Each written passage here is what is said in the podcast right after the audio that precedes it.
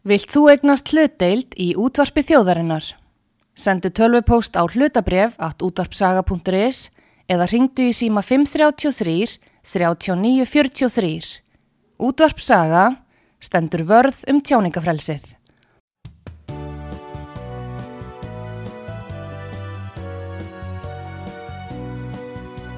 Sýteðis útvarpið á útvarpi sögu í umsjón Pétur Skunlökssonar.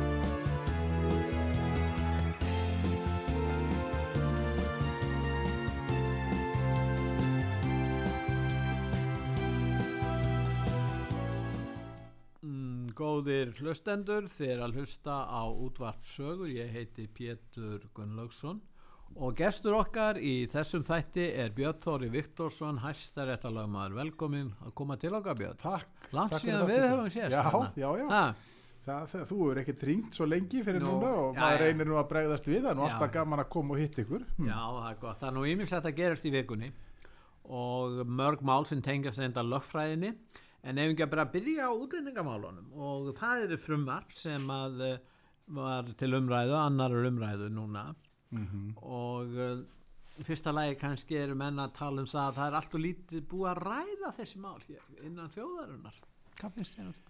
Já, þessi mál er einhvern veginn ekki á dagskrá, svona í almennri umræðu, í öðrum fjölmeðlum. Nei, Uh, útvarpsaga hefur staðið sér mjög vel með að ræða að minnsta kosti málinn, já, en uh, það er ekki mjög fyrirferðamikil, finnst mér að minnsta kosti umræða annar staðar.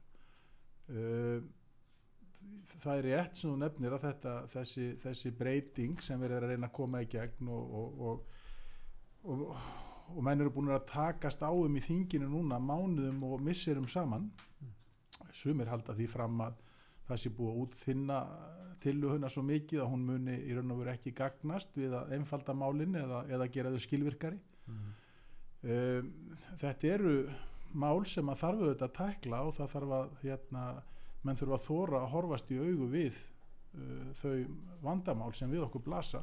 Flokkur fólksins kemur með, fram með rótækari breytingatillugur þeir ganga lengst í því að reyna að taka á þessum málum og afstæða þeirra er þessi eins og svipað svipuð afstöða hjá dönskum sósildemokratum Mhm. við verðum að velja velferðarkerfið Mhm, og þetta kostar. Og menn verður bara viðkenn útgjöldin og ef þetta kostar fyrir að kosta mjög mikið 5.000 hælisleitur ári, kannski 10.000 við veitum það ekki. Já, já. Sko, ég, sko við þurfum auðvitað að axla skildur okkar gagvart uh, hérna flóttamönnum eins og, eins og aðrar þjóðir. Uh, á hinbógin þá eins og til dæmis Eyjólfur hérna Ármannsson uh, lögfræðingur. og þingmaður flokksfólksins hefur bent á. Já, að þá er auðvitað sérstakt að við hér á Íslandi í þessu litla landi og fámenna landi uh, séum með einhverjar allt aðrar og rýmri reglur heldur en til að mynda önnur, eða flest öll önnur lönd í Evrópu eða- og á Norðurlöndunum. Mm. uh, maður spyr sig af hverju það er uh, sér í lagi í ljósi þess að við erum auðvitað við erum auðvitað ekki nema 380.000 en við getum líka Við- byggt á reynslu þeirra sem við erum ekki að akkur- gera. a- nei, nei, akkurat. Og maður svona, maður svona veltir því fyrir sér sko, hvaða sjóna með búa þar að baki sko. og, og hérna auðvitað er fullt af fólki sem að hérna samvinsku sinnar vegna og erfitt að horfa upp á fólki vanda og fólki neyð en eh, eins og umræðan hefur nú líka verið það er auðvitað misjátt hver, hver mikil neyðin og hver mikil vandin er. Og kerfið er auðvitað að hugsa til þess að skera úr um það. Allir fái raunverulega málsmeðferð. Við erum öll sammála um það að það, það þarf að vera. Hún þarf að vera málefnaleg og hún þarf að vera skilvirk. En eiga Og- þeir að en- fá málsmeðferð Björn sem En- við en erum Schengen við erum í Schengen og fólk kemur til annara landa fyrst og þar á að afgreiða málinn hvort sem enn eiga að fá þetta sem þeir kalla alþjóðlega vendið ekki. En ef þeir fá það þar eða fá það ekki, þá bara koma þér til Íslands og segja við viljum fá afgreiðslu á Íslandi því að hér er miklu betra að vera. Jú, jú, það- við getum þá sagt það, við getum bara sendt á tilbaka aftur, ég minna það á að afgreiða málið á þeim stað sem við komum dæli kom, Mhm. nema við fáum einhvern afgana í, flokk, í loftbelg til Íslands og hann Mhm. kemur hingað og þetta tökum við á hans málum en erum við, erum við ekki að það var hugsað í upphafi þegar við göngum til þessa samstarfs í Schengen Mhm. að þetta væri fyrirkomulagi algjörlega. Já, en af hverju förum við ekki Já, bara það er eftir það því? sem að, ég, það er eðlilega spurning, af hverju förum við ekki eftir því? Mm. og af hverju erum við í raun og veru að fara á svig við reglunar sem við höfum þó samþykkt að starfa eftir Já, og sem leiði til þess að kerfið verður allt miklu þunglamalega og sennvirkara sem við erum öll sammálu um að verður að laga. Já, það eru þetta algjörlega fráleitt Pétur að, að fólk sem er að koma hérna uh, hvort sem það á uh, hérna raunverulega rétt eða rétt ekki að það er kannski ekki að fá úrlausn um það fyrir en eftir ár eða eitt og hálft eða tvö ár.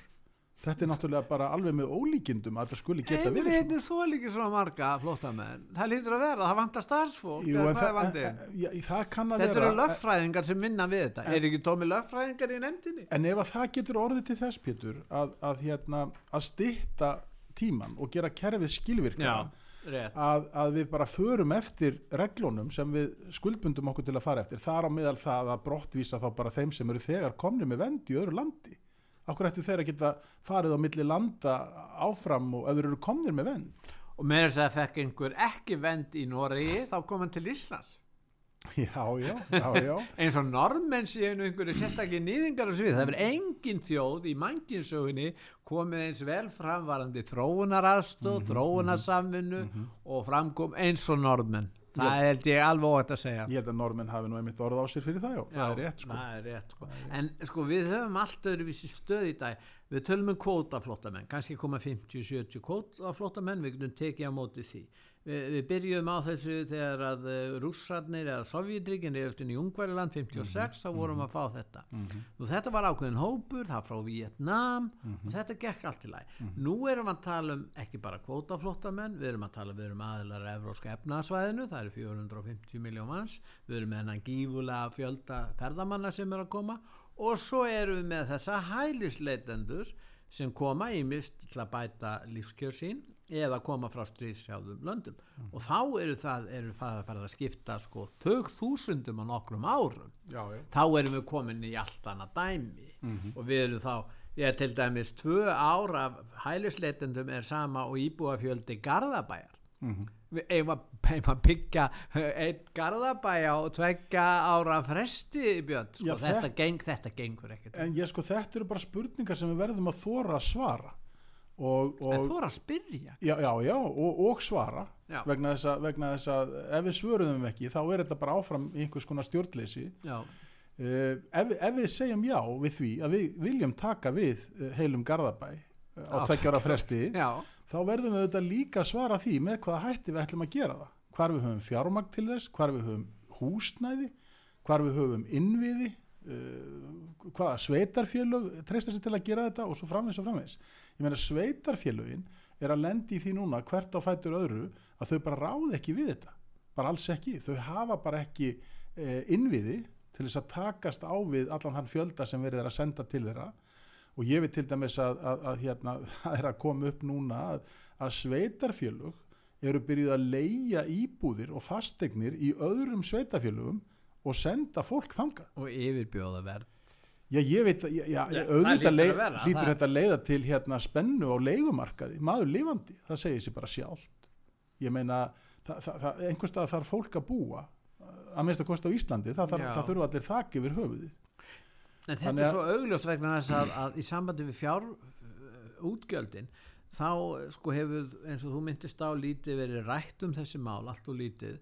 En þegar það kemur á útgjöldum þá er ísettinga náttúrulega svolítið uppteknir af því að, að þau eru ekki að borga of háa skatta og fá miklar álögur á sig. En, en það er eins og engin umræði hafi átt sér stað um hvað þetta kostar alls Nei, nei, og, og, og svo Já. segir, það eru þetta þeir sem að hérna, halda því fram að við eigum nánast bara að hleypa öllum sem vilja inn í landið uh, að þeir eru þetta halda því bara fram að, að, að hérna, það, það, það með ekkert vera að blanda saman umræðinu um, um kostnað af þessu og, og hérna þá fjármunni sem fara í velferðakerfi eða aldraða öryrkja eða önnur félagsleg mál. Við erum að tala Þeir um að þetta bara- séu herri upp að heldur að fer í, lögluna og alla, allt dómskjöru í landinu já, já, er ekki verið að tala, er ekki verið að tala um 10 miljardar á ári? 10-15 Já, með já. öllu saman. Mhm. með að við, eins og fjöldin er að verða núna þá er verið að tala um það upp að þetta er bara staðan og, og, og, og, og eins og ég segi, sko, mér finnst að fólk þurfi að, að hérna, taka þessa umræðu bara yfirvegað ég er ekki að segja það verið einhverjir, einhverjir hérna, einhver fljótaskrift eða, eða fordómar eða, eða eitthvað slíkt, alls ekki. Við þurfum bara að taka þessa en, umræðu en hún yfirvega. fer ekki fram. Nei, hún fer ekki fram, það er alveg rétt. Og, og, og fólk vill bara eins og ég segi, ég heyrði nú í, í hérna, Helgu Völu, Helga Dóttur. Hún hefur nú verið ötul talsmaður, hún er nú lögfræðingur líka. Já, hún hefur verið ötul talsmaður þe- þess að við eigum að, að hafa svona lítil höft og, og svona er, er, er klárlega með stórt sviði, er klárlega með stórt hjarta hún Helga Valla, það er engin spurning. Og, og hún vill hjálpa helst öllum, maður en heyrir það. snýst þetta um veru? Já, sko, ég held að það sé það sem ráði kannski, Au- auðvitað viljum vegna þess að þú sér það. Ef sko, hvað er að gerast í Jemen? Hvað er að gerast um alla Afríku? Við sjáum þetta ekki í sjónvarp á hverjum degi. Við sjáum þessar hörmungar eftir þessa innrás Rússlands þessa illskinjalegu innrás sem er nú að ska, kemur til að skaða rússana sannlega meira en Úgræn í framtíðinni Já, já. þannig að, að við, við eigum svo bátt með að skilja þetta. Þetta er bara svo heimskuleg innrás í fyrsta lagi og öðru lagi þess að þjáningar okkur finnst þær vera svo tilgangslausar og, og, og svo og akkurju að fara út í þessar, þessi, þessi átök? Og þess vegna vekur það upp auðvitað ríkar samúð hjá okkur. Eðlilega, eðlilega. Það er- blásaklust fólk að lenda Já. fyrir þessu. Og, og auðvitað höfum við samúð með slíku og auðvitað en reynum við að vegna koma þess til að við hjálpa erum náttúrulega sjáum þetta hvað, við sjáum þjáningu Algjörlega, ef hún algjörlega. væri ekki þar þá væri staðan allt önnur. Já, já, það er rétt. Er það ekki? Jú, jú, það er alveg rétt. En, við, en, en það eru, eins og þú segir, það eru þjáningar og það eru hörmungar og það eru sérst, fólk lifir við kröpp kjör og erfi lífskilirði víða um heim Mm. og, og við getum farið bara í, til Asi og Indlands það sem er mikil fátækt víða að, að hérna En er þó að ástandi er að fara Er, batnandi heldur upp á við, en já, það já. öld já, já, já, já. það En, en sko við getum aldrei sko alveg sama hvað við höfum stórt hjarta þá getum við aldrei hjálpað öllum sem mundu vilja betra líf það er en, bara ekki hægt En hvað segir það sem myndist á hann hann, hann þingmann uh, flokks fólksins Eyjólf Árumansson mm. hann segir að, og hann er með breytingatillögu að það eigi ekki að skilgreina flóttamenn sem efnahagsflóttamenn þeir sem eru að koma frá Venezuela til dæmis þar sem er ömuleg uh, ríkisstjórn mm -hmm. mishefnu stjórnarstefna þrátt fyrir að þetta sé ríki að marguleiti að þá er það ekki okkar að taka móti því. Og hann segir að samkvæmt skilgreiningu saminu í þjóðuna þá er flóttamaður ekki sá sem er að leita sér að betri kjörum heldur sá sem er að yfirgefa styrjaldar ástandi eða er ofsóttu persónlega eitthvað mm þýjuleik þannig að þessi breytingatillega er raun og veru gæti skipt verulegu máli frá flokki fólk þetta er, þetta er miklu meiri breytingatillega heldur en svo sem að dámsmálar á þeirra er að tala um. Já, mörgu leiti ég meina það, það eru þetta þannig. Nú, nú, ég ætla nú bara að játa það að ég hef ekki sko kynnt mér hérna sérstaklega hérna úrskur þessara nefndar sem að lagði til að, að Venezuela því þú nefndir það sérstaklega mjög sko. Já, það er bara ba- basically opnað fyrir Já. því fólki vegna sérstaks ástands þar, þar í landi.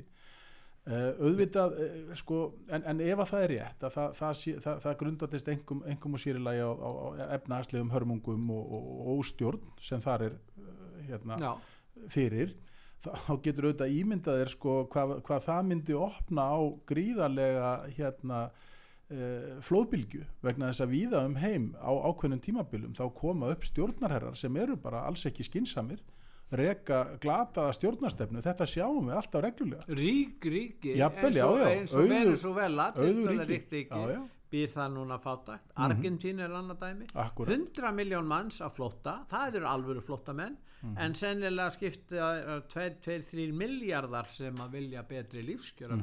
Mhm, þannig að, að við erum að tala um náttúrulega eitthvað, eitthvað ómöguleika sem að á ekki að þurfa að ræða eins. því miður, ég er alveg sammála því. Ég held að það, það er auðvitað bara en þetta er auðvitað bara pólitísk ákvörðun. uh, sem að ver, verður að taka eftir rækilega umræðu yfirvegaða umræðu sem er þá byggð á einhverju jartengingu í því hvað lítil þjóð eins og Ísland getur raunverulega gert En nú hljóta menn að gera sér grein fyrir því að þessi stefna heldur áfram og mér sýnist hún allir bara að halda áfram. Það sé ekki sjálfstæðismennin viljast sætta sig við þetta og sömur vilja jafnvel opið landamærin og við vitum vel hvað hinni flokkandinn margir vilja. Þannig að þetta bara heldur áfram. Það mun því að það, það verði einhver átök í samfélaginu og þá fara menn að ræða málinn kannski á svona á nótum sem að menn vilja komast hjá og þess vegna er þessi orðræða um hatursorðræð komin Mhm. upp því að mér sýnist að fósitinsráþur að gera sér grein fyrir sem er skinsum kona Mhm. þó að stefna hennar sé nú ekki allra að hún nei, er bara skinsum eins og- gengur og gerist í pólitík já, já. en hún gerir sér grein fyrir því að þar sem hún vill þessa stefnu og Mm. hún og, og hennar varaformaður að þá muni það leiða til átaka í samfélaginu og hún er að fyrirbyggja það með þessari kröfu sinni um, um að skerða tjáningafrelsið með því að senda uppbera starfsmenn og skilda þá til að fara í einhverju fræðslum haturs orðræðu á þess að þessi skilgrend hvað þessi haturs orðræðu er þetta er orðið svolítið alvarlegt því að þarna sjáum við í raun og vera útlýtingamálin eru farin að hafa áhrif á mannréttind okkar líka. Já, já, sko þetta er mjög, mjög vandasum umræða. Og, og við erum auðvitað hérna, við erum auðvitað öll sammála um það að, að uh, haturs orðræða almennt eins og ég held að flestir skilji það hugtak á ekki að líða. Já, það er ákvæði í lögum. Um al- al- minni hluta hópa algjörlega er, svo erum við með ærumeðingar ég, ég er að vísa til þess. Pétur, akkurat. Og, og, og, en svo er bara spurning sko ef, ef að það eru taldar ærumeðingar í dag að hafa skoðanir á einhverjum hlutum sem byggjast bara á röksemdum eins og við erum að tala um hérna sem byggjast bara á hefbundinni pólitík bara um efnaðslega getu uh, og svo framvegis og framvegis ef að það er orðin hatursorraða þá erum við komin á einhvern mjög skrítin stað. Uh, tökum annað dæmi. Uh, nú skilst mér að, og það tengist þessari umræðu líka, nú skilst mér á fréttum að, að Evrópusambandið sé að hvetja svíja til þess að taka hérna til hendinni og setja einhver ákvæði um þetta núna eftir að, eftir að það með ekki brenna fána og já, kóran og svona? já, já, akkurat eftir, eftir þessi mótmælið þannum daginn sem sannarlega eru að koma sér illa í, í, í, fyrir, fyrir svíja núna og mögulega finna líka varandi aðeldarumsóknina að NATO. Uh, sko, Evrópusambandið er eitthvað að skipta sér af þessu. Sem betur fyrir hefur nú sko á Norðurlöndunum verið svona frekar uh, hérna uh, mikil virðing borin fyrir tjáningafrelsinu svona heilt yfir. Já. en það er þó endingin ástæð til nei, nei, annars? alls ekki en það hafa þetta samfélögin á, í Skandinavíu verið friðsöm ástandi bara verið mjög gott Akkúrat. en við erum að sjá breytingarnar vegna stefnunar í útlendingamálum. Hvort sem við erum sammála stefnunni eða ekki þá kallaði þetta fram þessa breytingar meðal annars varðandi þessa tjáningar já, já, en sko svo ég klári aðeins það sem ég var að byrja á hann, sko, ef, ef, ef, að- menn mig ekki hafa sko lengur skoðanir á hlutum sem byggjast bara á, á einhverjum sko rauksemdum og, og svona bara málefnalegri umfjöllun skulum við kalla. Til að mynda eins og það að, að, að hérna, ef, ef að má ekki lengur segja það til, til að mynda að í múslinskum síð þá, þá, þá finnist manni konur lítilsvirtar eða konur hafi ekki nógu mikil réttindi. Sem dæmi eða að það mætti þá ekki gaggrina íslensku þjóðkirkjuna tök- tökum bara annað dæmi eða þá að maður mætti ekki hafa skoðanir á því að það er fullt af pervertum og barnanýðingum uh, víða innan kirkjunar, sérilega í katholsku kirkjunar kannski, fjöldin allur af biskupum og prestum í gegnum tíðina sem hefur orðið uppvísa því að misnota kannski aðalega unga drengi. og í fleiri Já, má maður ekki tala um þetta, má maður ekki hafa skoðanir á þessu, er það þá orðin haturs orðraða? Ég má ekki gagbrina til dæmis skýðinga sem er á, í Palestínu Já, stefnu. ég- ég- þetta er margt Já, þetta er, þetta er spurning sko, Þann, þannig að þetta er rosalega, þetta er rosalega sko, hérna, þetta er vandasum umræða, auðvitað eru allir, allir sammál um það að, að það að, að hæðast að fólki ein, eingung á grundvelli hérna, kynþáttar En eða hluti eða ærumeiðing? Jú, jú það, það eru ærumeðingar Já, en al, akkur, akkur höfum við sér ákveðu minnluta ápa akkur höfum við ekki bara ærumeðingarlögjun er halv ónýtt ég meina doktorsritgerð Gunnar Thoroddsen frá hvað 1967 Já. hún er úrelt. Nú bara byggjum við á, á hún dómsniðurstöðu er frá ekkert, hún er ekkert ónýtt Pétur, ég vann fyrir þið máli hæstarétti, Já. já, ekki gleyma því. Nei, hún er nú ekkert ónýttar Ég ónýtt að því leiti að, að við byggjum í dag fyrst og fremst á því sem er að, Jú, jú, að jú, leiðbein okkur í. Jú, jú, en, en, en þetta það sem ég átti við að, að ég átti nú ekki við það sérstaklega. En, en það, það sem Gunnar skrifaði á sínum tíma það er náttúrulega allt annað heldur en Já, já. niðurstaðan er nú Al, algjörlega. Og, það- og, og það er ekkit óðurlegt heldur Pétur, ég meina auðvitað, auðvitað þróast rétturinn og það þróast svona afstafa fólks, það er eðlilegt en í það var mikil, mikil breyting á þess Já, já, hún, er- hefur orðið. En ég veit ekki, ég, ég, ég deili alveg áhyggjum uh, með þeim sem hafa verið að tjása um þetta. Arnar Þór Jónsson til dæmis hefur verið mjög ötull að benda á þessar hættur og þessi óviðu ský sem að hérna, hrannast upp á himninum, varðandi tjáningafrelsið og, og varðandi bara það að meiga í, já, í raun og veru hugsa sjálfstætt og tjá sig sjálfs, sjálfstætt. en nú ætlar hún að skilda opinbera starfsmenn fósittisáþra að fara og þá er spurningum lagalega stöðu þeirra. Til dæmis ef ég var starfsmenn ég myndi neita að fara í slíka fræðslu.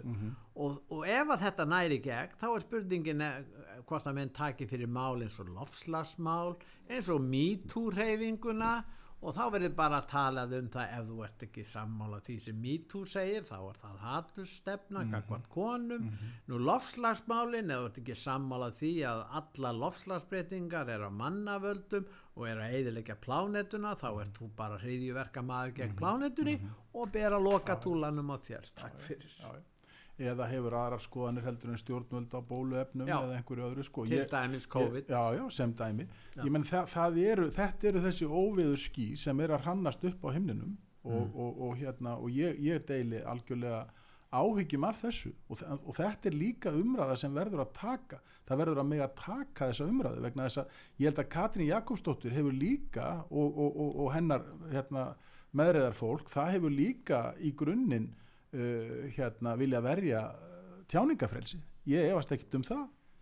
Það bara, þarna ber kannski þarna ber kannski bara kapp sem en þau ofurliði ég held að þetta fólk sé í sjálfu sér ekkert á móti tjáningarfrelsi, þetta er alltaf það vil hugsa hjá þeim lengi búið að vera. Það gæti verið. Ég, ég, ég hef ekkert kynnt Þetta er líka, þetta er ekki bara hér, þetta er rúmi við En í Evrópu, innan, innan, innan Evrópusambandsins, innan Evróputhingsins, innan hérna Black, að- ég meina það er fjölmarkir þess vegna nefni ég þetta með svíjan á Europasambandi er eitthvað eðlett við það að Europasambandi sé að skipta sér af innanríkismálum í, í Svíþjóð Mm. og hvetja þá til þess að bregðast við með einhverjum hætti?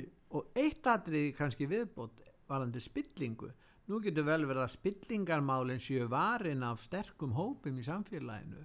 Og þeir myndu segja að það væri hatursáróður að vera gaggrína ákveðna spillingu því að það er alltaf erfitt að sanna spillingu og annað. Og ef við förum svolítið út í þau mál vegna þess að við erum að í þinginu núna hefur verið að tala, verið að tala um Íslandsbankasöluna þar og upplýsingar og svo núna er verið að tala um Lindarkól og þú eh, sem lögmaður, þú eftir hrunni þá varst þú að verja mjög marga sem að fóru illa út úr hruninu. Já, já, það er rétt. Og uh, þú varst náttúrulega einn af þeim lögmönnum sem voru hvað duglegastir að þú þekkir þessi mál. Hvað finnst þér um til dæmis það að að það fást ekki allar upplýsingar um það hverjir keftu þessar íbúðir sem seldar voru á nöðungarsal mér finnst það í raun og veru algjörlega óskiljanlegt satt að segja. Uh, það hefur verið sko allar götur frá hruninu uh, talað um uh, opna og gegnsæja stjórnsýslu það hefur verið svona ákveði líkilstef uh, og allir, allir, allir hafa sagst í það minnsta að vera sammála um það. Það þurfi auki gegnsæji og, og, hérna, og upplýsingu. Það var samþitt á þinginu 63.0 já, já, hausti al- algjörlega. oktober 2010 algjörlega, ég, ég er að vísa til þess. Já, en síðan koma upp svona mál og maður hefur nú hérna heyrti ykkur hérna á sögunni því hefur nú verið mjög dúli að, að, að, að ræða þetta og, og hann Þorsteinn, þingmaður hefur hérna, meðflokksins, hann hefur Já. verið náttúrulega gríðarlega duglegur Sæmundsson, já, að fylgja Já. þessu eftir. Og, og, og góðu heilli vegna þess að þetta áður ekki að vera neitt leindarmál nei. Og, og mig grunar af því að ég hef nú svona kannski séð eitthvað af þessu sem fastegna líka, ég er alltaf að selja fastegnir líka að, að mig grunar uh, og, og tel mig hafa séð nokkur dæmi um það að egnir úr þessum egnapúljum sem að uh, menn töldu sig vera að selja til óhagnaðar drifina leigufélaga að þær voru seldar út úr þeim púljum strax bara með miklum hag- hagnaði eða mjög án, fljótlega. án þess að gerða voru aðtúasendur sko, var, var, það, var það sett kvöð? Já, sko, Þinglýst kvöð nei, nei, það held ég nefnilega ekki sko. Þa, það, það er málið, sko. menn fengu það, það er akkurat vandamálið. Menn fengu sérstök lán hm, sem voru þá á lægri vöxtum og betri kjörum frá íbúðalánasjóði gegn því að leia gegn því að leia og gegn því að leia óhagnaðar drifið sem kalla var. Uh, mér er ekki kunnugt um að hafa verið settan einar þinglýstar hvaðir á eignirnar. Hins vegar var, voru lánin hvaðabundin því, ég held að menn hafi þurft að skila eins sko ársreikningum til þess að staðfesta það að það væri ekki, ekki hagnaður umfram það sem eðlett væri bara fyrir svona rekstri og, og, og einhver utanumhaldi af, af reglur í starfsemi. En mig grunar að mjög stór hluti af þessum íbúum og auðvitað er ekkert mál fyrir hérna, íbúðlunarsjóð að kanna þetta auðvitað veit hann alveg hverja mann seldi eftir atvikum uh, á að gefa þær upplýsing Já, íbúð að pakka á þessum kjörum og veitti lán til þess. Já. en um leið og þú tókst lánið af viðkomandi íbúð þá held ég að kvöðin hafi bara hreinlega verið farin af. Þetta var ekkert merkilega en það. Þannig að þú gast í raun og veru seltana bara eftir árið eða tvö eða þrjú á fullu, fullu verði já, já, borgaði þá bara upp lánið og þar með var það bara frá ekkert flókið. Menn hafa stórþjana öruglega einhverjir, það er, það er bara ekki nokkur einasta hann talar um spurning, sko. að þorsteinn meðalverð við keftu á 16 miljónir íbúður meðalverð af þessu sumar dýrar og Já, en þá er, þá er það á tímabilinu líklega svona, eh, já hvað, nú er ég að reyna að rifja upp bara á hlaupunum, er þetta ekki svona á tímabilinu kannski 2013 til Já, 16, eitthvað 17, svoleiðis, eitthvað já. svo leis sem þetta er Já, að gangi í gegn. en samt var það mjög, mjög gott verð Já, já, alveg klárlega, það, það, það blasir við sko. en það er annar mál, það er Lindarkvoll og, og það voru réttarhöld núna í vikunni og uh, þar er menn að koma fram, stjórnin og aðrir og, og nú verða menn að treysta á framburð fyrir rétti Já, og, já, og, já, og þú veist að vel Björn að menn ljúga fyrir rétti á Það- Það Íslandi eru dæmi um það, já.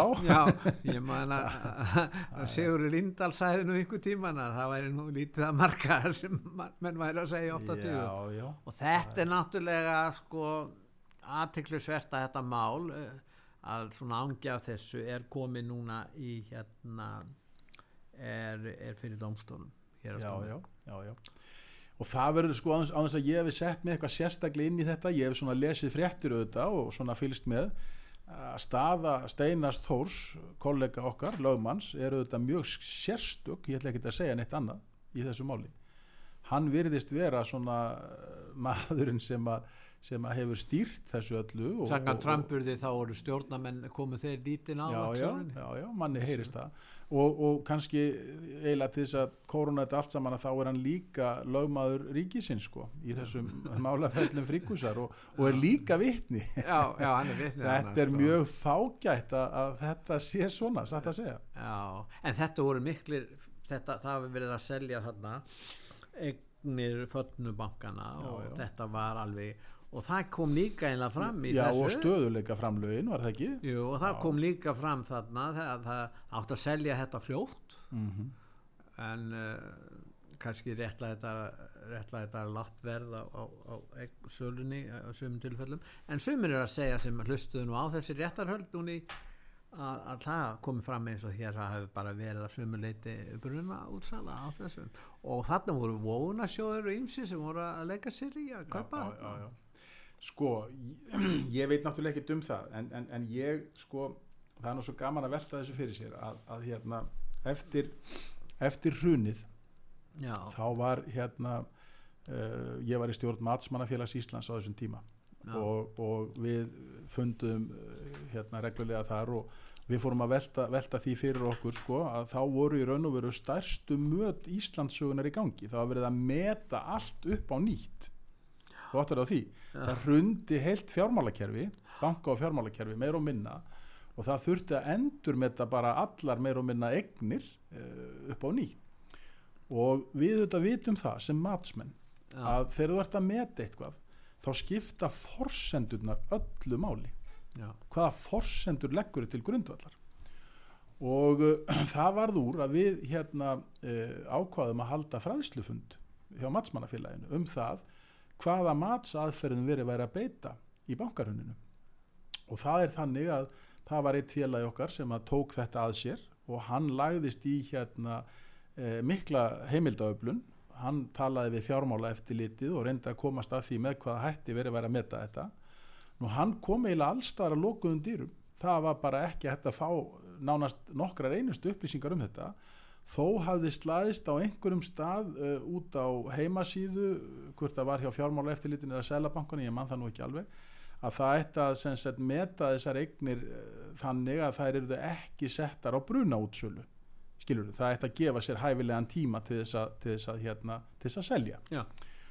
og þá veldi maður líka fyrir sér það var auðvitað hérna, alls konar önnur atriði, ég meina þetta voru eignar hlutir í félögum og alls konar hlutir sem bankarnir voru að leysa til sín og, má, og meiga lögum samkvæmt ekki eiga nema í bara mjög skamman tíma. Já. þetta var allt þverbrotið en, en það var engin umfjöllin um þetta. Nei. og engar forsendur lágu til grundvallar, þetta var mjög merkilegt. Kannski doldi íslenskt en, en, en, en svona var þetta nú. Stór merkilegt sko. Góðir eh, hlustendur, þið er að hlusta á útvart sögu, ég heiti Pétur Gunnlaugsson og ég er að ræða við hann Björn Þorra Viktorsson, hæstaréttalöman og við erum að ræða um fréttir vikunar og önnur mál sem eru tengt og við ætlum núna að hlýða á nokkra öllusingar og eftir öllusingarlið þá höldum við umræðinni áfram.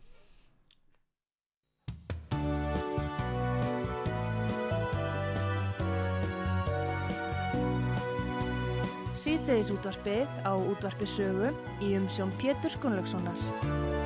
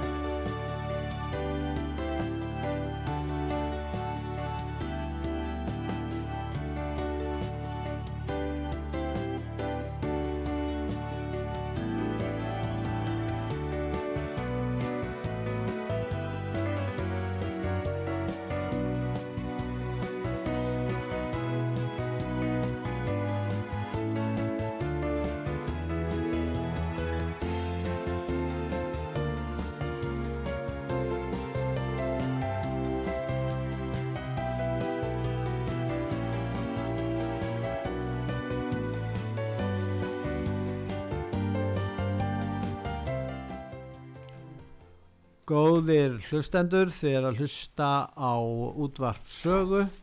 Ég heiti Pétur Gunnlaugsson og ég er að ræða við hann Björn Þorra Viktorsson, hæstarættalöfman.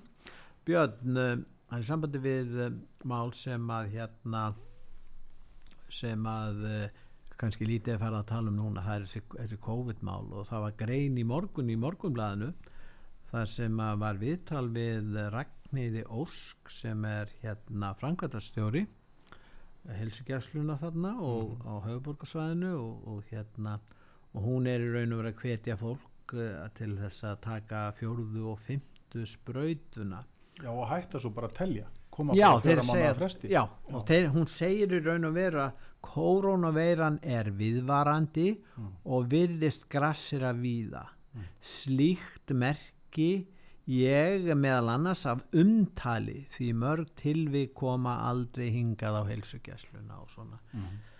Uh, nú uh, hvað er að gerast einlega hvernig metur þú svona? Rætti við rættum einu sinni saman um Já, þetta já, mál já, um þessu COVID-mál. Ég, ég hérna ég, mér finnst mjög merkilegt að, að, að uh, hérna fylgjast með umræðu og afstöðu ofinberra aðila sérstaklega til þessara koronaveiru mála, þessara COVID mála sko uh, nú, er, nú er það svo að, að uh,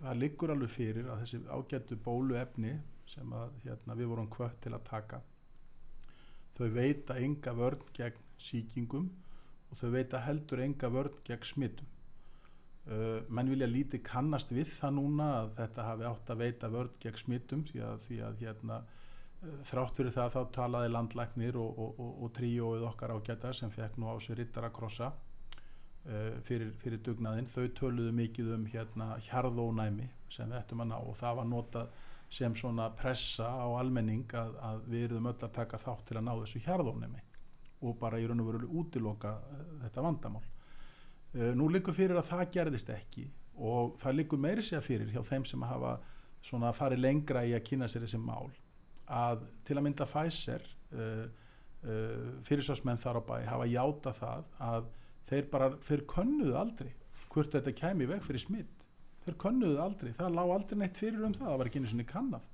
áður en að þetta var sett á markað. Þannig að það er ekkit skrítið þó að, þó að hérna, súa voruðið reyndin en það sem kemur mér mest á óvart að nú sko og, og, og, og nú talandi um bara svona almenna rökræðu og gaggrína hugsun og reyna að beita heilbreyðir skynsum og allt þetta eins og vorum að tala um á þann ég skil ekki á sama tíma og það eru það liggja fyrir fjölmörg augljósmál og viðurkend um skaðsemi þessar efna. Það er áhætta að taka þau líka. Þeir, þeir, þeir viðurkenna það aldrei Jú, jú, það er búið að viðurkenna það í nokkrum, en það er Ekki- mikið ekki tregða. íslensk eh, Mjög lítið á Íslandi, en víða erlendis er það algjörlega viðurkent og það er reyndar búið að borga bætur Já. á Íslandi, ekki gleyma því. Já, það gerðist. það er komið, þannig að er, við erum aðeins að komast upp úr hjól, hjólförunum Já, en, en, en á sama tíma og allt þetta liggur fyrir og, og, og, og flestir eru náttúrulega búnir að fá COVID líka. Já, uh, einu sinni jafnvel tvisar eða þrisvar. Já, og ættu þessuna þá að vera komin með einhvers konar eh, náttúrulegt ónæmi líka. Já. ha? af hverju er verið að hvetja þetta fólk til þess að koma og taka þessi bóluefni með þeirri áhættu sem því fylgir þegar allt þetta liggur fyrir. Uh, og nú eru ný afbreyði komin að verunni, þetta eins og alltaf. Það er alveg eðlilegt sko. Ég meina, við, við, við höfum ekkert að hræðast það. Það er alltaf að tala um það eins og það sé eitthvað hræðilegt vegna þess að ný afbreyði eru yfirleitt þannig að þau smitast hraðar, það er bara eðli veira en, veik, en veikja fólk minna. Þannig að, og þannig bara hæ, hætt, hættir fólk að taka eftir, uh, eftir, eftir einhver tíma þannig að það er bara gott að vera nýra stökkbreytast. En, en lifin eða þessi bóluefni sem að eru, sem eru í gangi þetta eru bara sömu bóluefni og voru framleitt hérna strax í upphafi. Þannig að, þannig að það er ekki einu sinni það, þau voru ekki einu sinni framleitt til þess að ráða við þessi afbreyði sem er í, í gangi í dag. Samt er fólk hvað til að koma og dæla þessi skrokkin á sér. Mm. ég skil þetta ekki sko. ég bara skil þetta ekki alls ekki. Og það er líka komið í ljós að fólk að því því var nú lengi haldið fram líka að fólk veiktist minna það veiktist nú sennilega heldur minna uh, ef, það, ef það fengi COVID ef það hefði hérna, tekið bóluefnin það er bara ekkert sem liggur fyrir um það þvert á móti er fjölmart sem bendir til þess að fólk veikist því miður meira því miður En nú er það þannig að almenningur í Íslandi hefur treyst heilbriðis yfirvöldum og vill gera það. já, já. Og ég skil það vel Pétur Já, þetta skiljum við vel, Já, við já. sem eru leikmenn að þessu leiti, við treystum læknum, Mhm. við þekkjum lækna og, og þeir voru kannski með okkur í skóla og við þekkjum þá og treystum þeim og, og þeir hafa verið að hjálpa okkur ef við höfum verið að veikjast og svona og Mhm. þetta á við um stóran hluta þjóðarinnar. Svo kemur þetta málu.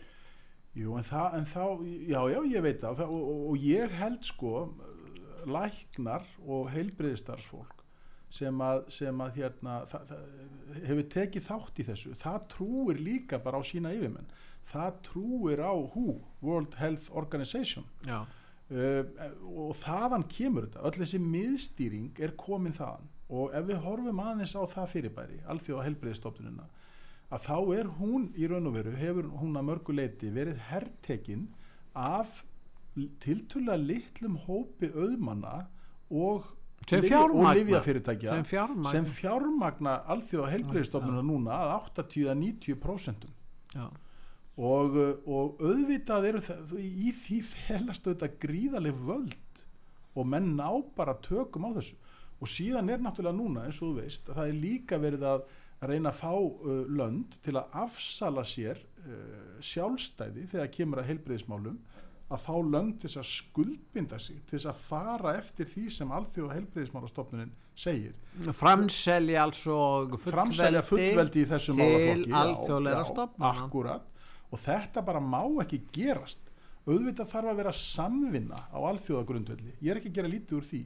En við verðum alltaf sjálf að, að, Eiga síðast orðið. við verðum Já. að fá að beita þessari gaggrínu hugsun og, og fá að segja já eða nei Það sem vakti líka aðtegli í sambandi við COVID, það var þessi samstæð hjá almenningi, það var nánast allir sem tala við, við hins vegar á sögu rættum við ímsa aðra sem voru annari skoðum, þeir voru ekki margir og við fengum harða gaggrinni fyrir já, það. já, og það er nú bara eitthvað sem við þekkjum svolítið hérna Já, frá þessum. En, sko, en, en það var sláandi að sjá þetta. Fólk var í byðröðum, löngum byðröðum og farið í já.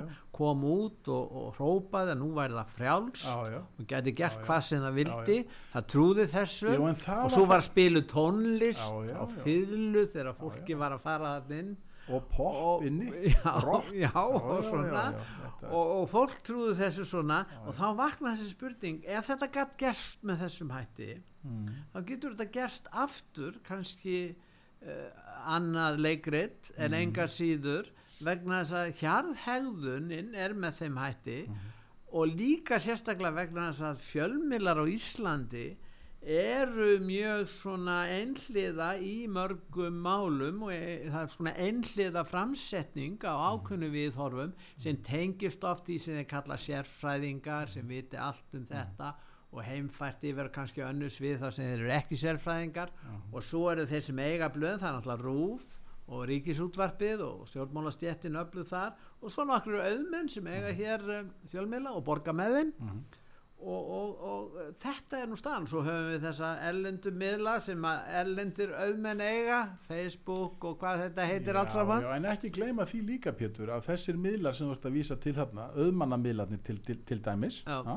og reyndar ímsir aðri miðlar, það er nú svo sem hérna, heitir ekki heimildin núna eftir, eftir hérna eh, eftir breytingar að þetta, allir þessir fjölmiðlar held ég að frátaldri útvarpi sögu svona meira og minna leiti njóta ríkistyrkja Já, og það er nú bara einfallega þannig að þú býtur ekki í hendina sem fæðir þig. Það er gömul sag og ný og, og, og ég veit ekkert sko, ég ætla ekki að segja neitt meira en það, en það gæti verið skýring á því að menn fara ekki í umræðu sem að er ekki stjórnvöldum þóknarleg, kannski er útvarpsaga bara, fær aldrei neina styrki af því að þið eru bara ekki stjórnvöldum þóknarleg af því Nei. þið hleypið að alls konar umræðu ekki bara einni En við tegund erum, umræðu. það er ekki nóg með það, við erum gaggrið hallega og ofta mjög ósængjarnan Ja, hátt fyrir það sko. það er bara hrein hattusorræða í garð útvarsögu, það er bara Já. þannig á köplum Já, já.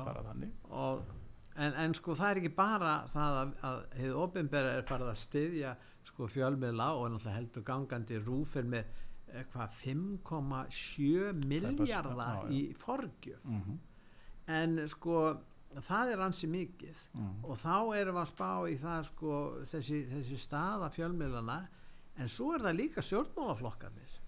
Þeir gætu nánast ekki starfa sem stjórnmálaflokkar í dag nema þeir fengju þessa ríkistyrki þannig að ríkistyrkinir eru til stjórnmálaflokkana til fjölmiðlana og jafnvel má segja sem er kannski svolítið öðruvís en þó ekki alveg til listamanna og ákveðina og þetta er allt saman ákveðið af kerfinu. Já, já. hver fær hvað listamenn li, list, listamæður sem er mjög þóknanlegur hinn kerfinu, hann geti komið, mjög vel út úr þessu, ég ætla ekki að nefna neinn upp, það er náttúrulega viðkvæm, en, En- við þekkjum en, en, það skiptir nefnilega máli að beisla fjölmiðla og til að mynda listafólk Já, sem eru oft, listamenn eru oft mjög kreatífir og róttækir og, og svona í og hafa litlar tekjur og margir. akkurat, en, en, en margir eru hérna ófemnir að segja skoðanir sína og þeir hugsa aðeins út fyrir bóksið það er það sem gerir þá að listamönnum.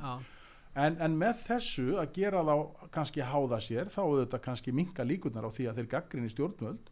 Og við skulum, þú nefndi stjórnmálaflokkana. Já, og það er mjög interessant. Ég sko það, bara á síðustu bara örfáum árum þá hafa þessar fjárhæðir sem að sem að auðvitað renna til stjórnmálaflokkana á grunduti breyt, breytra laga sem þeir sjálfur hafa sett þar að segja fulltrúar er á þingi það hafa margfaldast það hafa margfaldast greiðslur, árlegar greiðslur og, og það er nema hundruðu það miljóna er hátt í miljard, Já. 8-900 já, já, á ári, á ári þannig að kjörtímabilin við að tala um missústi 3 miljard.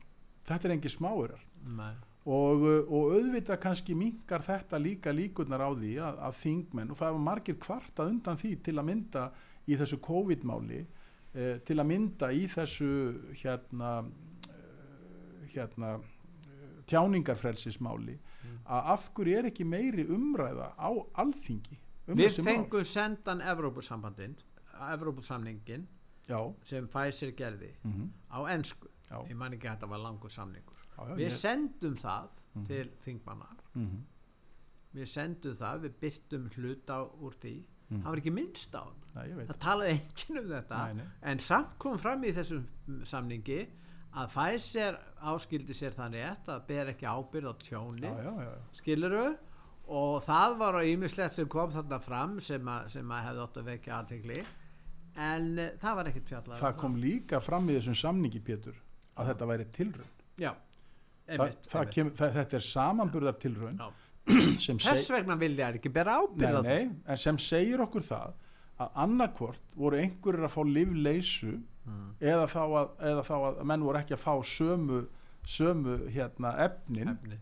Til þess að tilraunin gæti tekist Akkúrat, þú verð, ef þú ert með samanburðar tilraun þá gerur ekki það sama við alla sko, þú ert með nei. einhverjar breytur þannig, að, þannig að, já, já, ég sá þennan samning líka og ég get staðfest að hann er mjög aðtiklisverður svo ekki sé meira sagt. Ég, já, við fengum að senda já, já, og við getum alltaf ekki sagt frá hvernig það var. Það var ekki Íslandingur sem gerði það nú. Nei, nei. en þetta var samningur við Evrópu. Mm og hérna og ég, eins og segi, við rættum við þingmenn hvort þeir hefur lesið það, nei sko, nú, nú hafa þingmenn þetta er náttúrulega, ef menn alltaf standa sér vel sem þingmenn, þá gæti þetta verið mjög mikil vinna, það er mjög mikil vinna að lesa hennar samning. Já, já. Og hann er á svona flóknu, eh, flóknu lag, flóknu já, lagamáli. Eh, lagamáli enska er mjög flott og hérna en, en getur verið svolítið erfitt fyrir Pínu- þá sem eru ekki mjög góðir í Pín, ensku pínu tyrfið það, það, það en það kom hérna þingmaður einhver tíman eða var að þingmaður Já. með kona, ég man nú ekki hvað uh, frá fransunarflokknum held ég Já. Ekki það, það breytir neinu. En hún, hún hafði farið og óskað eftir því að fá að sjá þennan samning og hún fekk að fara inn í einhvern gagnaherbergi. Mm. hún mátti ekki skrifa neitt upp úr honum hún mátti ekki taka myndir á honum. Það var setið yfir henni á meðan hún skoðaði þennan samning. Og, og maður veltir fyrir sér sko af hverju er þessu ofbáslega lind yfir sjálfsögum hlut eins og einhverjum samningi? Við vitum það núna að það voru keiftar hvað? Uh, 2,4 miljónir skamta í þessum samningi fyrir Íslendinga sem eru 380.000 manns. Við vitum það líka núna að 211.000 skamtar eru, það er búið að henda þeim á haugana af því að þeir eru útrunir. Við vitum líka að einhver hundru þúsund skamta hafa verið gefin í þessu COVAX samstarfi til fátakra ríkja sem, sem mörg þeirra hafa hent stórum hlutaði vegna þess að það var runnið út þegar það kom til þeirra. Þannig að sko og þetta er búið að setja sennilega einhverja 5 eða 6 þúsund miljónir í að kaupa þetta glundur fyrir ekki að orðblæði En uh, það er eitt í þessu sem hann líka var lítið rætt um, við förum nú yfir þetta, það er réttarstaða óbólusettara já, og uh, hvernig tala var um þetta sem voru þannig að gefa í skinn að þeir væri að valda öðrum tjóni og svo framvegis sem hefur alls ekkert komið fram. Mhm. En uh, það var jafnvel gengið svo langt að eitt bett á það, það ætti nú að senda óbólusetta til Grímseyjar já, já. og uh, það var ekki sagt í gríni Mhm. þannig að uh, þetta sko lítur að vekja upp vekja aðtikli manna á því að og vekja upp spurningar sko það er mjög stutt í það að, að taka frelsi af fólki það er ekki, Já, það, það- er ekki langur veg Já sko það er bara fullt af fólki sem að vill taka frelsi af fólki og alltaf skal það gert í einhverjum göfugum tilgangi takt eftir. áttast Já, það er verið að vernda aðra. Tilgangurinn helga Já, meðalið tilgangurinn helga meðali. Það er verið að það er verið að vernda okkur, það eru öryggissjónamið, mm. uh, það, er, það er byggð upp einhver hraðisla, þá heldur betur byggð upp hraðisla með þetta COVID-mál. Ekki gleyma því. Mm. Ég meina það voru byrtar hér í upphæfu faraldursins, það voru byrtar myndir frá Kína í, rí, í ríkisjónvarpinu, það sem verið var að sjö, rafsjóða fólk inni. Það verið að læsa fólk inni og sjóða dyrnar fastar með rafsuð. Já. Það voru myndir af sko líkum uh, í, í tuga og hundraða vís út á götum í Kína. Það voru, það voru okkur voru síndar myndir af einhverjum neyðar spítulum sem verið var að byggja á einhverjum örfáum vikum og svo framvegis og framvegis. Auðvitað þetta gert bara til þess að skapa hræðslu. Eftir á að higgja Pétur þá var þetta bara eh, mjög vel skipulögð áætlun um það að láta það gerast sem gerðist. Selja bóluefni hræða fólk hræða uh, þjóðuríkin og svo framvegis. Og, með, og nú er komið að því að borga fyrir alla vittlisuna uh, öll, flest ríki í hinnum vestrana heimi fóru í það að prenta peninga reyna aðstóða fyrirtæki við að komast út úr þessu. Í Íslenska ríki lagði miljarda og miljarda ofan í verðbólga launamanna núna er bein afleðinga hún er bein afleðinga þessu. Hún, það er nefnilega máli, það er mjög mikilvægt átt að sjá því. Við borgum öll fyrir óráðsíðuna að lokum. Já. það eru skýringar á því af hverju og hlutvarslega mest þeir sem eru minnstu teikunar því miður, það er þannig. Þeir borga nefnilega hlutvarslega mest þeir sem hafa minnst en uh, þú bendir á það að uh, það er uh, frelsið er ekki varið nægilega vel.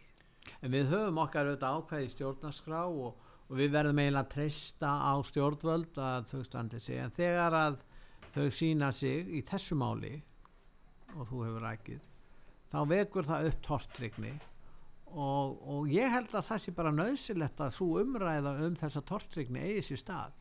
Algjörlega ef, ef, ef við teljum að þessi réttindi eins og tjáningafrelsi sem er náttúrulega bara partur af mannréttindum þess vegna er það varið sérstaklega í stjórnarskráni það má ekki skerða það. Og, og ef okkur finnst þessi réttindi skipta máli að þá verðum við að vera á vartbergi gagvart þeim aðilum sem vilja skerða þau. Og, og þetta er nú þannig að, að hérna að, að ef þú ætlar að borða heilan fíl þá tekur hann bara í smá bitum sko og þetta er þessi pepperoni kenning sko. þú, mm. þú tekur ein og eina sneið sko, að lokum klárast pilsan öll hmm. en það tekur engin eftir því þó þú takir eina litla sneið það breytir þú að litlu en að þú tekur hana nú oft mm. þá klárar þau pilsuna og, og þetta er leiðin sem að, sem að þessu öll gætnan beita, það er að taka þetta smátt og smátt. En það er sennilega aldrei verið að tala jafn mikið um mannréttind og mannréttinda hagsmunni þótt að umræðast nú fyrst og fremst um félagsleg mannréttindi aðalega mm -hmm.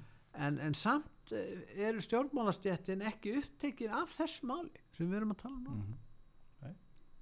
Það er bara staðan, því miður ég kann enga skýringar á því mm. þetta, Hvað finnst þér um stöðu domstólarna þessu leiti? Við verðum náttúrulega að treysta á dómarana þannig eru domstólarnir dómararnir og uh, þú sem starfandi lögmaður, hæstarétta lögmaður þekki nú vel þessi mál og, og auðvitað eins og með læknanlega við viljum treysta okkar dómurum já, já. Mm. Sko uh, dómar eru náttúrulega bara fólk og, og ég held að upp til hópa höfum við bara gott fólk í dómarastjætt á Íslandi já ég, ég, ég vil bara segja það. Mm. uh, ég hins vegar uh, hérna varð uh, fyrir miklum vonbriðum með, með, í, í, til að mynda einu máli sem að, við, sem að fór allar leið upp í landsrétt þar sem að þar sem að verið var að láta reyna á sko, heimildir stjórnvalda til þess að krefjast hérna sínatöku og svo framvegis. Og þar, þar í raun og veru bara já, skriplaði, skriplaði skripluðu domstólarnir á skötunni. Ég vil bara, það er bara mín skoðun.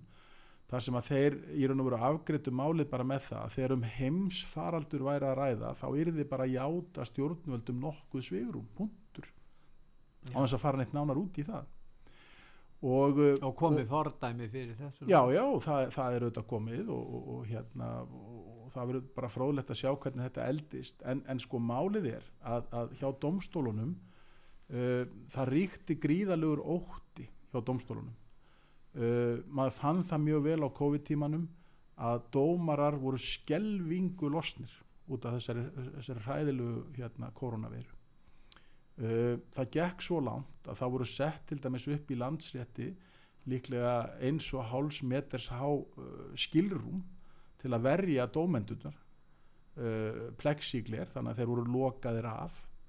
Uh, það var, það var það, mönnum var gert að spritta allt í kringum sig og það gekk svo langt að, að ég veit dæmi þess að uh, málflytjendur þeir voru neittir og þeim var gert að flytja málsitt fyrir dómi með grímu fyrir andlitinu. Og, og þannig, þannig, að, þannig að maður bara upplýði það það var alveg gríðaleg hræðsla. Þeir hættu, domstórunir hættu að taka við gögnum á pappir nema með löngum, löngum fyrirvara þannig að það var hægt að sko hreinsan eða setja hann í einhvers konar eða gæta því að veiran væri þá döð og, og svo framvegist þannig að það voru alls konar reglur það var gríðaleg hræðsla víða, auðvitað ekki allstaðar en víða skinjaði maður það hjá domstólunum og svo bara afgreða þeir svona grundvallarmál bara með þessu að það verði bara játa stjórnvöldum nokkuð svigurum þegar um heimsfaraldur er að ræða. Og já, við það sittum En hvernig eigum að verja þessi mannréttindi? E, e, nú eru menn að stofna stjórnmálaflokka, er hægt að gera það, stofna sjálfstæð félög eða treysta á domstólana og að dómar, dómarar fari eftir lögunum og, og virði þessi ákvæði í stjórnarskráni og að sjálfstæðir lögmenn bergist fyrir skjórnstæðinga sína ég meina það er kannski á öllum þessu sviðum sem ég er að tala um en, en, en mér vilist einhvern veginn svona halv vonlist að fara út í stjórnmálin með svona hluti já það er, kanns, það, það er, meina, það, það er miklu betra að, að taka þátt á í umræðu eða stopna sjálfstæði félag sem að Mhm. berjast fyrir ákveðnum eða þá domstólaleiðin náttúrulega. Allt í raun og veru þarf að beita öllum þessum úrræðum að mínu viti. Og, og allir þessir aðilar sem þú nefnir þurfa að vera vakandi og halda vöku sinni. Já, og, og, og, af yfirvegun þó takt eftir. Ég, ég, ég er alveg þar. Ég, ég er ekki að tala um að menni að vera að fara á taugum yfir öllu og öllu alla daga. Nei, en menn, þú, það má ekki miskilja þetta. Það er Nei. alls ekki þannig. Nei. hins vegar þurfa menn bara að halda vöku sinni ekki láta hræða sig það, Já, er- það, en er nummer 1, En 2 og 3 fornar kostnaðurinn getur verið svo mikill að hafa sjálfstæða skoðun. það er alveg rétt Þetta er dæmis tökum þessa útvast þessi dæmi. það Þannig að ég ætla nú að fara kvarta Nei, nei, því, nei, sko. nei. Það, er, það er bara þannig að, að, að, að þú, þeir sem eru þannig þengjandi, þeir fá mjög ósangjarna umræðum sig og það er bara, menn leifa sér að ljúa upp á þá alveg miskunna laust og, fjölmiðlarnir og, og, og, og netmiðlarnir eru notaðir til Já, þess alveg ég- þannig að það er mikil áhætta samfara þessu og menn eru kallaðir ímsum ljótum já. nöfnum og, Já, sko, ég, ég þekki þetta nú að einhver leiti á eigin skinni já, sko. já, og, og hérna, og hérna ég, ég hef svo sem eh, hérna, verið, verið alveg ófeimin að halda fram Mínum skoðunum. Ég veit Eh, allt um Þa, það. það er bara svo liðis og, og, og það fellur ekki öllum. Og, og, og, og ein- einhver hluta vegna þá, þá held ég að ma- manni gangi ágætlega að koma þeim frá sér líka. Já, þú varst mjög sko öflugur eftir hérna hrunið að verja réttindi ákveðin og þú reyndi það. máttir finna fyrir því. Já, það var ráðist á mig. Já, þá. Það. Og, og það nefnilega hendar ekki öllum að, að það sé einhver svona sem að syndir á móti strömmnum, það, það þykir ekki, ekki smart og, og, og menn eru gjarnan látnir finna fyrir því. það er bara ekki þannig. smart í ljóðun sem eru, sem eru Já, og eins og ég hef sagt lastaði lagsin sem leitar móti og svo Já, einmitt, einmitt. En, en sko, en, en, við hefum rætt þetta líka áður, þetta með gaggrína hugsun sko. Já, Það er allir sammála um það sko, til dæmis eins og Páll hérna, Skúlason, Skúlason já, heitinn, hann skrifaði nú allar sínar pælingar Um sem það. gengur bara út á gaggrína hugsun og mikilvægi hennar. og, og hann var auðvitað mjög lofaður fyrir þetta Já. Og, og það er allir sammála um það ef þú ætlar að besta þína niðurstöðu við ákvarðanatöku þá átt að hugsa á gaggrinin hátt Já. þannig kemst að henni einu réttu niðurstöðu út af það ganga í megin atriðum pælingarnar hans mm. og vísindin líka og vísindin auðvitað, gammaldags vísindi þau, þau gerðu það en svo bara einhvern veginn þegar, þegar á hólminn er komið þá er bara ferlega lítil eftirspurn eftir þessu fyrirbæri af því það er bara vesen að vera alltaf að hugsa á gaggrinn hátt og það eru bara einhverjir hérna jólasveinar sem eru alltaf á móti og alltaf að tuða og alltaf með leiðindi sko. Ég við höfum talað um helbriðskerfið og domstólan og stjórnmálin þannig, en hvað með akademíun?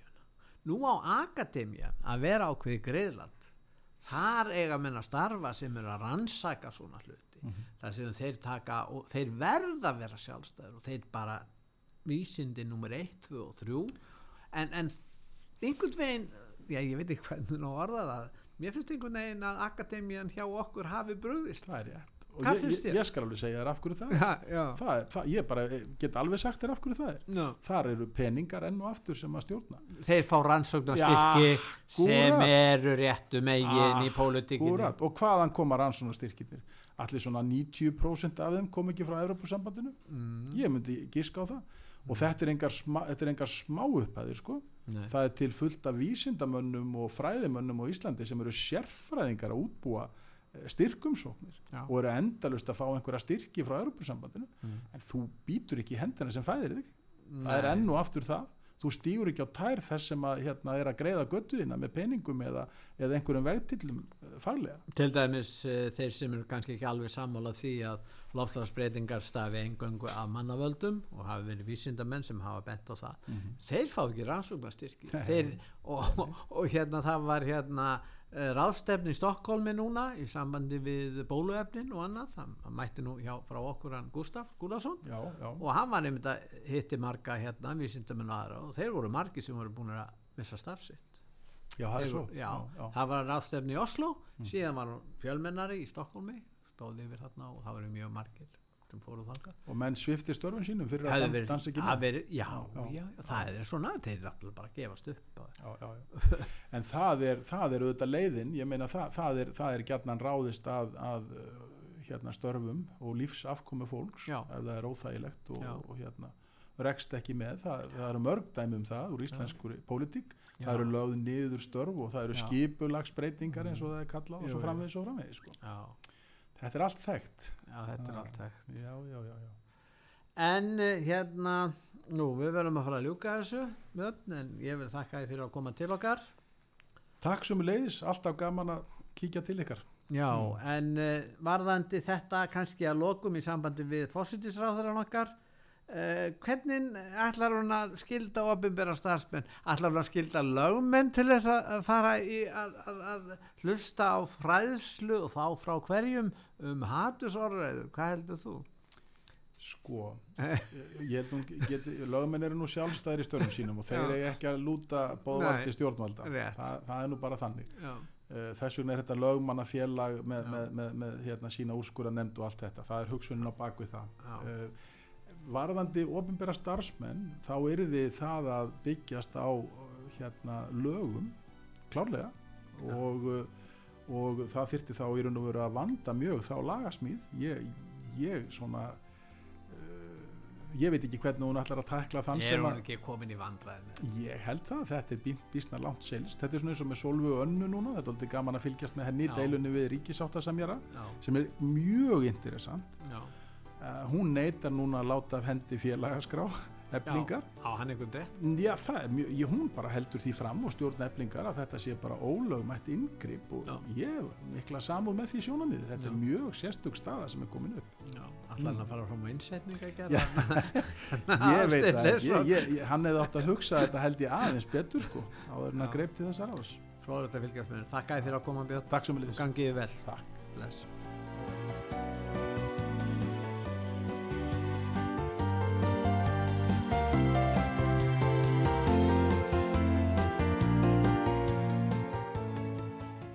Þegar aðrir þeia, þá segjum við frá.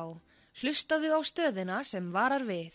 Útvarp saga, þar sem þjóðin hlustar og talar 24 tíma á sólarhing.